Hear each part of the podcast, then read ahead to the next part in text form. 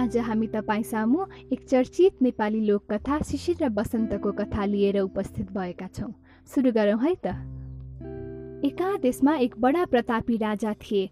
उनका शिशिर र बसन्त नाम गरेका दुई राजकुमार अनि परम सुन्दरी रानी थिइन्। राजा र रानीको परस्परमा बडो प्रेम थियो। एक दिन राजा शिकार खेल्न गएका थिए। रानी झ्यालमा बसेर बत्ती काट्न लागेकी थिइन्।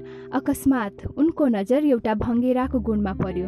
त्यो गुडमा रहेका बच्चाहरूलाई माउले आफ्नो चुचुरामा आहारा ल्याएर बडा बराबर खुवाइरहेको रानीलाई खुब रमाइलो लाग्यो।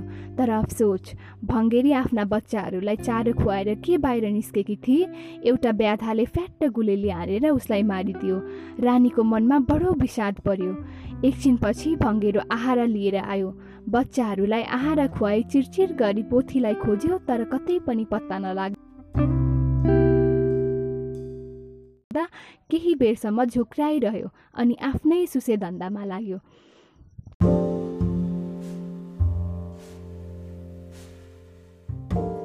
भोलिपल्ट पनि उसै गरी रानी झ्यालमा बसी भङ्गेराको घुर्तिर हेर्छिन् त भालेले अर्कै पोथी ल्याइसकेछ। केही दिनसम्म त त्यो नयाँ पोथीले सौताका छोराछोरीहरूलाई आहारा ल्याउँदै खुवाउँदै गरी तर पछि पछि भने त्यसलाई झर्को लाग्न थाल्यो। जति खुवाए पनि आ आ मात्रै गरिरहने यी खन्चुवा बैरीको पोथ्राको निमित्त के को यो भुटो? भनेर ढुङ्गा जस्तो हृदय भएकी त्यसले ती बच्चाहरूलाई चुच्चोले तानी तानी गुलबाट खसालिदिए। राम्रोसँग प्वाख नउम्रेका ती बिचरा बच्चाहरू च्याँ गर्दै जमिनमा पछाडि मरे। सौताको दिल त्यहाँसम्म निठुर हुँदो रहेछ भन्ने देखेर रानीको मनलाई चिन्ताको अघोर कालो बादलले ढपक्क ढाकी अन्धकार पारिदियो। तिनले मनमा नै सोचिन् केही गरी म चाँडै नै मरिहाले भने राजाले अवश्य अर्कै बिहे गर्नेछन्।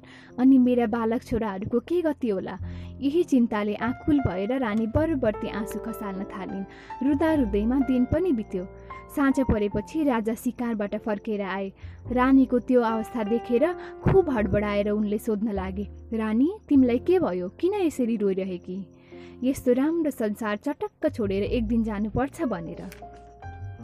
त्यो त छँदैछ नि। जुन कुराको उपाय छैन त्यसको चिन्ता गरेर आफ्नो भएको सुखमा बाधा पार्ने किसिमकी अवश्य तिमी होइनौ। भने भन तिम्रो शोकको कारण अर्कै निश्चय पनि केही होला। छैन प्रभु मरौला के भनेर पिर लागेको हो तर मेरो पिर आफ्नो लागि होइन। खालि मेरा बालक राजकुमारहरूको लागि हो। किन? अनि रानीले भङ्गेराको जहानको यथार्थ हाल राजालाई सबै सुनाइन्। म केही गरी चाँडै नै मरिहालेँ भने हजुरले दोस्रो विवाह नगरी अवश्य छोडी बक्सिने छैन। अनि मेरा छोराहरूको कुन हालत होला? राजाले झट्टपट्ट अङ्कमाल गरेर रानीलाई भने त्यस्तो पनि कतै हुनसक्छ अहिले तिमी भर्खर छेउ साधारण हिसाबले तिम्रो आयु अझ धेरै वर्ष छ। त्यसमा पनि दुवैको दैवको कुदृष्टि केही गरी पर्न आएमा म कहिले दोस्रो विवाह गर्ने छैन।